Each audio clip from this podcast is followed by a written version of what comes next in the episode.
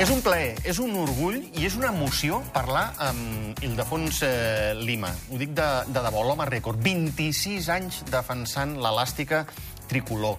Joan, això és, com deien els nostres contertulis, per fer-li un monument. Sí, s'han dit moltes coses aquests dies perquè hi ha hagut un ressò internacional que potser molta gent no s'esperava. A mi m'agrada molt una cosa que s'ha fet servir, llegenda del futbol modest. Uh -huh. Una llegenda, Ildefons eh, Lima, bona tarda, benvingut que te l'has picat tu solet, eh? Has picat pedra... Doncs sí, vam començar l'any 97 sent uns pioners, perquè vam ser primer, la primera selecció que va sortir d'Andorra per, anar, per anar a jugar un partit, i la veritat que si m'ho diuen llavors que aguantaré fins al 2023 no, no m'ho hagués imaginat, hagués pensat que estava boig, però bueno, vas fent, vas fent, vas fent i quan te n'adones han passat 26 anys. La història està en que podies haver debutat un partit abans eh, i, i acabes debutant marcant. Home, era complicat debutar abans, perquè tenia 16 anys. I, I no et deixaven, tampoc, no? Tampoc era el Jamal, saps? O sigui que no, no crec que hagués debutat, però bueno, la sort que vaig debutar amb 17, que tampoc m'ho esperava, perquè hi havia jugadors amb molta més experiència que jo, i bueno, vaig tenir la sort de, de debutar i marcar, vam perdre, però també era la primera experiència que molts de nosaltres vivíem i la vam gaudir molt, la vam gaudir molt i tenim tots molt bons records d'aquella època. Debutar i marcar, Joan, eh, increïble, perquè sí. més és el màxim golejador. Sí, sí, sí, perquè més havia quedat fora d'aquell primer partit que es va jugar aquí a, al Comunal contra Estònia, no? encara eres molt, molt jove i llavors vas poder-te treure aquella espina. Jo volia tornar al present, el que passa després de, del partit contra Suïssa, aquest comiat, jugues de titular, els primers 23 minuts de, de partit, eh, Eh, I després d'aquest comiat, moltíssimes reaccions eh, internacionals de, de, de personalitats del món del futbol. I et volia demanar, Hilde, aquests dies has parlat del president de la FIFA, de Gianni Infantino. Alguna d'aquestes reaccions, de tot aquest ressò que ha tingut el teu comiat, que t'hagi tocat especialment, que, que hagi estat més emotiva per tu? Bueno, aquesta, sincerament, d'Infantino és significativa, no? perquè en primer moment vaig pensar que aquest és un fake que s'ha creat algú i m'està felicitant, però però la veritat, quan veus tot el que hi ha al voltant i tots aquests dies i els mitjans de comunicació d'arreu del món que contacten, dius, ostres, doncs igual la cosa s'ha anat una mica de mare i la veritat que 26 anys, encara que aquí a Andorra sembli normal, perquè tenim molts jugadors que juguen molts anys a la selecció, eh, fora de les nostres fronteres no és gaire normal. Atenció a tot el que ens ha d'explicar l'Ildefons Lima, però abans recordar-vos que encara ens queda una entrada doble per anar a veure aquest dissabte a les dues del migdia al Futbol Club Andorra Sporting de Gijón. 873 777 873 700 i l'entrada és per, un, per una de vosaltres. Uh, Ildefons, parlaves ara d'aquests missatges. Uh, jo en tinc aquí, i si no corregeix-me, eh, un parell de molt xulos eh, un, un aficionat del Rayo Vallecano t'escrivia vas estar amb nosaltres a segona B i això Vallecas no ho oblida. És que se'm posen els pèls de punta sense haver jugat a Vallecas i sense ser jugador. I un aficionat de les Palmes et deia sempre seràs un dels nostres pio-pio. Bueno. Va, això emociona, no? Sí, omple Se'n recordin de tu al cap de tants anys? Omple d'orgull, però sobretot perquè, bueno, no sóc cap malabarista de la pilota, però sempre que m'he posat una samarreta doncs he intentat defensar-la com si fos un aficionat, no? deixant-m'ho tot al camp. Això és una de les coses que m'ha caracteritzat durant la meva carrera i la veritat que bueno, també som molt proper a tots els aficionats, que ara la veritat que sembla una cosa gaire, gairebé anormal, i bueno, jo tinc també molt bons records de, records de, tant de Vallecas com de les Palmes i és maco que després de tants anys, perquè la veritat que ja han passat anys, doncs la gent el recordi. Jo volia doncs, mirar una miqueta enrere, no, no gaire, tampoc, però clar, el comiat ha sigut molt bonic, Hilde, però fa uns anys eh, la situació era molt, molt diferent. Clar, no és estrany tampoc, no?, amb una trajectòria tan llarga de 26 anys vestint la samarreta de la selecció, però fa uns anys, recordem, estaves apartat de la selecció, havies tingut un enfrontament amb la federació, després de criticar totes les mesures, protocols anti-Covid... Anti no vaig criticar cap moment, però bueno. O posar en qüestió les mesures que, que es feien per reprendre la, la Lliga. La teva opinió com a president de l'associació de, bueno, de com a futbolista futbolista. Uh, més enllà d'això, uh, l'enfrontament va ser llarg, vas estar més d'un any apartat de, de la selecció, i la pregunta, Hilde, seria qui, qui creus o qui va fer més feina des de la federació? Semblaven dues postures irreconciliables perquè tot això s'acabés tancant i s'arribés a un acord perquè tornessis amb la selecció. Bueno, eh, va haver-hi alguna persona de govern que va ajudar, evidentment, va haver-hi pues, gairebé tota la Junta, no? perquè jo crec que la cosa va ser un sense sentit, no té sentit un jugador Eh, a dia d'avui encara no entenc per què, per què se'n va apartar. Jo crec que va ser més una decisió personal d'algú que una decisió consensuada de molta gent i la veritat que ho vaig passar malament, no? Eh, crec que és el pitjor moment esportiu de la meva carrera, perquè, bueno, eh, una cosa que has defensat amb el cor i t'has deixat la vida i moltes hores i molt sacrifici, t'ho treuen de cop sense, sense motiu, però, bueno, jo sempre vaig declarar que si havia fet alguna cosa malament o parlant malament d'algú, que m'ho ensenyessin i si estava mal fet, doncs eh, no tinc cap problema, no? perquè al final jo sóc molt temperamental, però si ens sentem a parlar i cadascú diu el que pense, doncs arribem a, arribem a un acord segur. Però bueno, eh, molta gent de la Junta va, va veure que no tenia sentit, perquè al final eh, també va tenir una repercussió gairebé mundial la situació així, que no, no, no es veia normal la situació i bueno, es va reconduir i gràcies a Déu pues, ha pogut acabar, acabar acomiadant el camp, que era, que era el que a mi em feia il·lusió i m'omplia. fons 137 internacionalitats. Eh, ara mateix, eh, amb el, el temps ho cura tot, eh, però ara mateix estàs pensant si no haguessin estat per aquests dos, pràcticament dos anys que em van tenir aturat, ostres, el rècord podia haver estat eh, molt més gran? Jo tinc clar que el rècord seria més, més gran, però m'hagués retirat abans perquè quan la selecció van a jugar a Wembley, que jo just acabava de reenganxar-me a la selecció, doncs crec que hagués sigut l'escenari ideal, no? Es va retirar un germà, aquell mateix dia també Juli Fernández Incoldo, i jo tenia molt bons records no? d'aquell dia. Però bueno, eh, tot té un perquè, no? I tot té un perquè, vaig allargar un mes perquè entenia que se m'havien robat eh, uns dies importants de la selecció. Eh, mai ha tornat a ser el mateix, però bueno, eh, després de lo de dimarts doncs, eh, tot té un perquè i el perquè va ser per viure la, la nit que vaig viure dimarts a la nit. Uh -huh. Al llarg de la teva carrera, Hilde, recordo, eh, perquè han estat molts anys d'acompanyar la selecció amb tu, com a, com a capità i en moltes sales de premsa recordo que quan jugava a la selecció d'Andorra els periodistes de, de fora sempre buscaven l'aspecte exòtic, no? de què treballa un, de què treballa l'altre, quantes hores entreneu i moltes vegades t'he vist enfadat a les sales de premsa demanant respecte no? i volem parlar de, de futbol. Ara que, que tanques etapa amb la selecció, creus que respecta més una selecció com, com Andorra? Has marxat amb el respecte de tothom, però creus que en això s'ha millorat? Jo crec que sí, i bueno, eh, una de les coses perquè a mi m'agrada ser molt disponible a la premsa és per això, no? perquè si parlis d'Andorra, que parlis amb coneixement de causa. No? És molt fàcil parlar d'una selecció com Andorra si no coneixes la seva realitat i per això jo, si em truquen de qualsevol país del món, doncs li explico el que som i al final acaben entenent que, hòstia, aquests tios, la veritat que tenen molt de mèrit per, bueno, per competir com ho fan, sent tan petits com són. Hilde, un dels eh, partits més importants, si no m'equivoco, va ser contra França, però un d'aquells que et va quedar gravat a foc és contra San Marino, perquè era allò de cara o creu, era allò de... El, cap de les dues seleccions ha guanyat mai, amb les altres... amb les altres... de piel que... Sí? Eh, bueno, ja ens agrada això, home.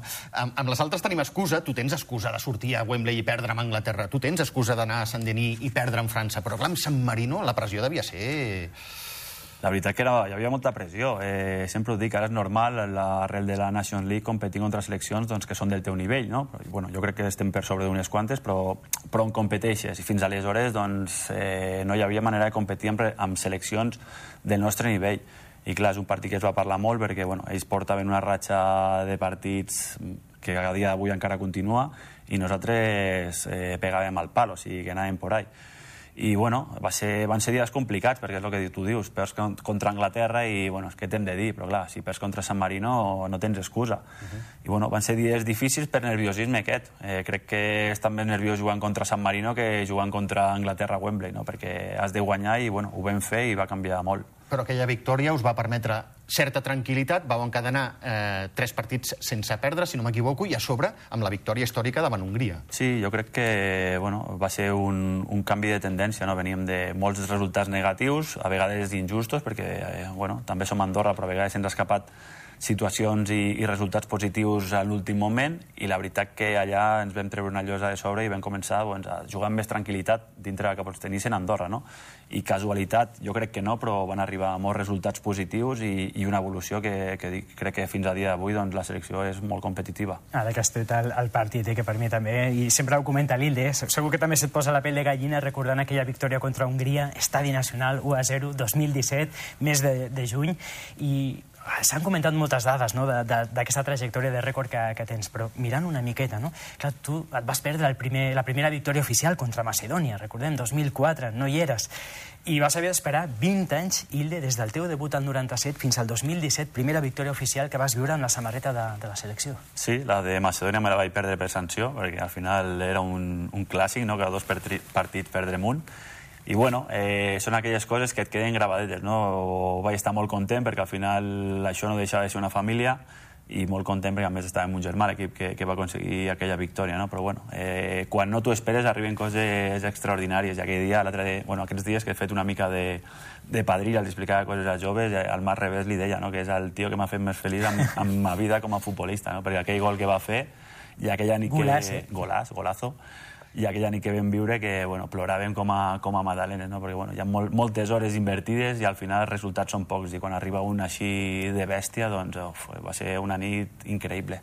Ara deixem que et toqui una mica dels nassos. Eh, va haver-hi un partit que tu et giraves mirant el marcador, Sí, sí. eh? que Ferran Pol et va dir "Mm, vale ja, deixa-ho córrer, no? No miris tant al marcador, no? Sí, ha situacions complicades, ha dies on se't complica. A, a Portugal, per exemple, que vam perdre 6 a 0, que vam acabar amb 9 jugadors, però aquest que, diu, que vaig explicar bueno, en una de les múltiples entrevistes era, era el mític rei Balduino, a Heysel, que anàvem 6 a 0, minut 60, eren pues, bueno, unes bèsties amb De Bruyne, amb Lukaku, amb tota la companyia, i clar, el marcador em quedava darrere. I per mirar quin minut era, t'havies de girar. I clar, en un minut t'hi giraves fàcilment tres o quatre vegades, que això ens ha passat no només l'altre dia, bueno, l'altre dia al partit aquest que, de Bèlgica, i el Ferran ja a cert moment em va dir, Hilde, vale, ja, vale, ja no et giris més, no et giris més, que m'estàs posant nerviós. I, pues, imagina com estic jo. Però bueno, són les realitats d'Andorra.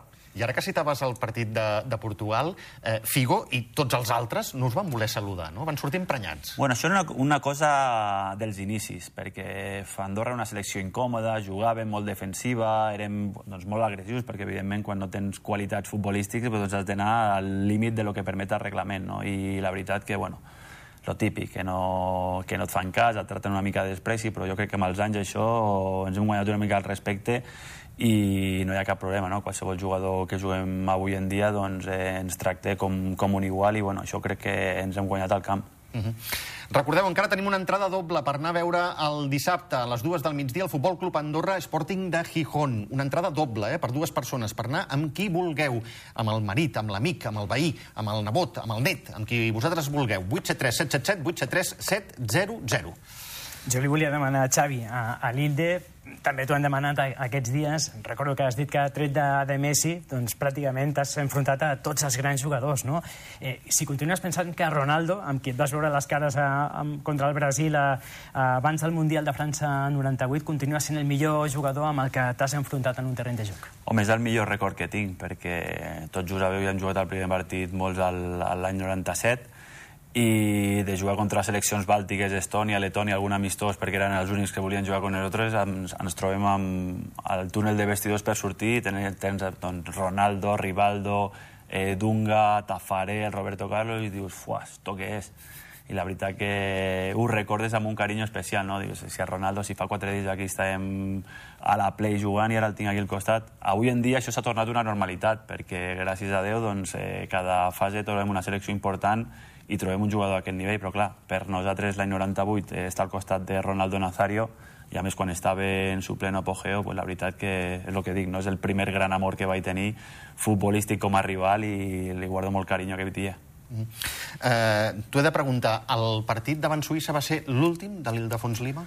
Doncs molt probablement, perquè bueno, la meva intenció era continuar, però les emocions que vaig viure dimarts a la nit doncs, eh, no són normals. No? Crec que va ser doncs, un regal a la meva trajectòria, va ser molt emocionant, amb la família allà i tot, i pensar ficar-me unes, unes botes una altra vegada doncs, eh, se'm complica. I bueno, ho acabarem de, de rumiar, però gairebé amb tota seguretat el de Suïssa serà, serà el darrer. Jo ho veig bastant clar, eh? Ah. No sé... Jo, em transmets que 10.000 persones aplaudint-te, els rivals aplaudint-te, els companys aplaudint-te i abraçant-te, una samarreta que posava gràcies Hilde. Ah, Serà complicat millorar-ho. sí. Jo li vull demanar pel llegat, eh, una mica, perquè, clar, ara molts companys de vestidor en aquest partit contra Suïssa no havien nascut quan, quan tu vas començar a jugar amb la selecció Hilde. No sé si en algun d'aquests companys tan joves t'hi reconeixes una miqueta aquest esperit, aquest orgull de defensar la selecció de- d'Andorra en cada partit, en cada, en cada acció. Si, si creus que, que l'hereda algun jugador una miqueta o aquest esperit. Bueno, és un esperit que crec que tots els que es fiquen la samarreta d'Andorra el tenen, no? perquè tu veus amb els joves que arriben, doncs eh, van a mort, eh, els que porten més temps doncs, eh, ho fan igual, els veteranos igual, els veteranos intentem inculcar als joves aquest sentiment que al final no deixes de ser Andorra i ha dies que, que no ho passaràs bé en un camp de futbol. I la veritat que és una cosa que no s'ha de perdre mai, perquè si, si Andorra per aquest sentiment, aquesta, aquest sentiment de pertinença a la samarreta i al país, doncs serem, serem molt vulnerables i no s'ha de perdre, però bueno, eh, jo crec que els nanos ho fan perquè ho veus cada partit, que on no, arribe, on no arriben les cames arriba el cor, i això és el que ha de ser aquesta selecció. Doncs, Ildefons Lima, moltíssimes gràcies. Eh, ens veiem en un camp de futbol, però, però em dones peixet, eh? eh aniré de tribunero. moltíssimes gràcies. Molta sort en tot el que facis a partir d'ara. Moltes gràcies. Joan, moltíssimes eh, gràcies. A tu, Xavi.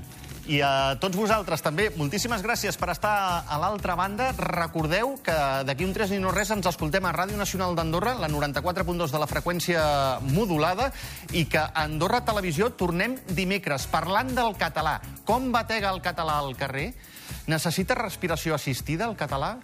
En parlarem dimecres aquí, a la companyia. Fins ara.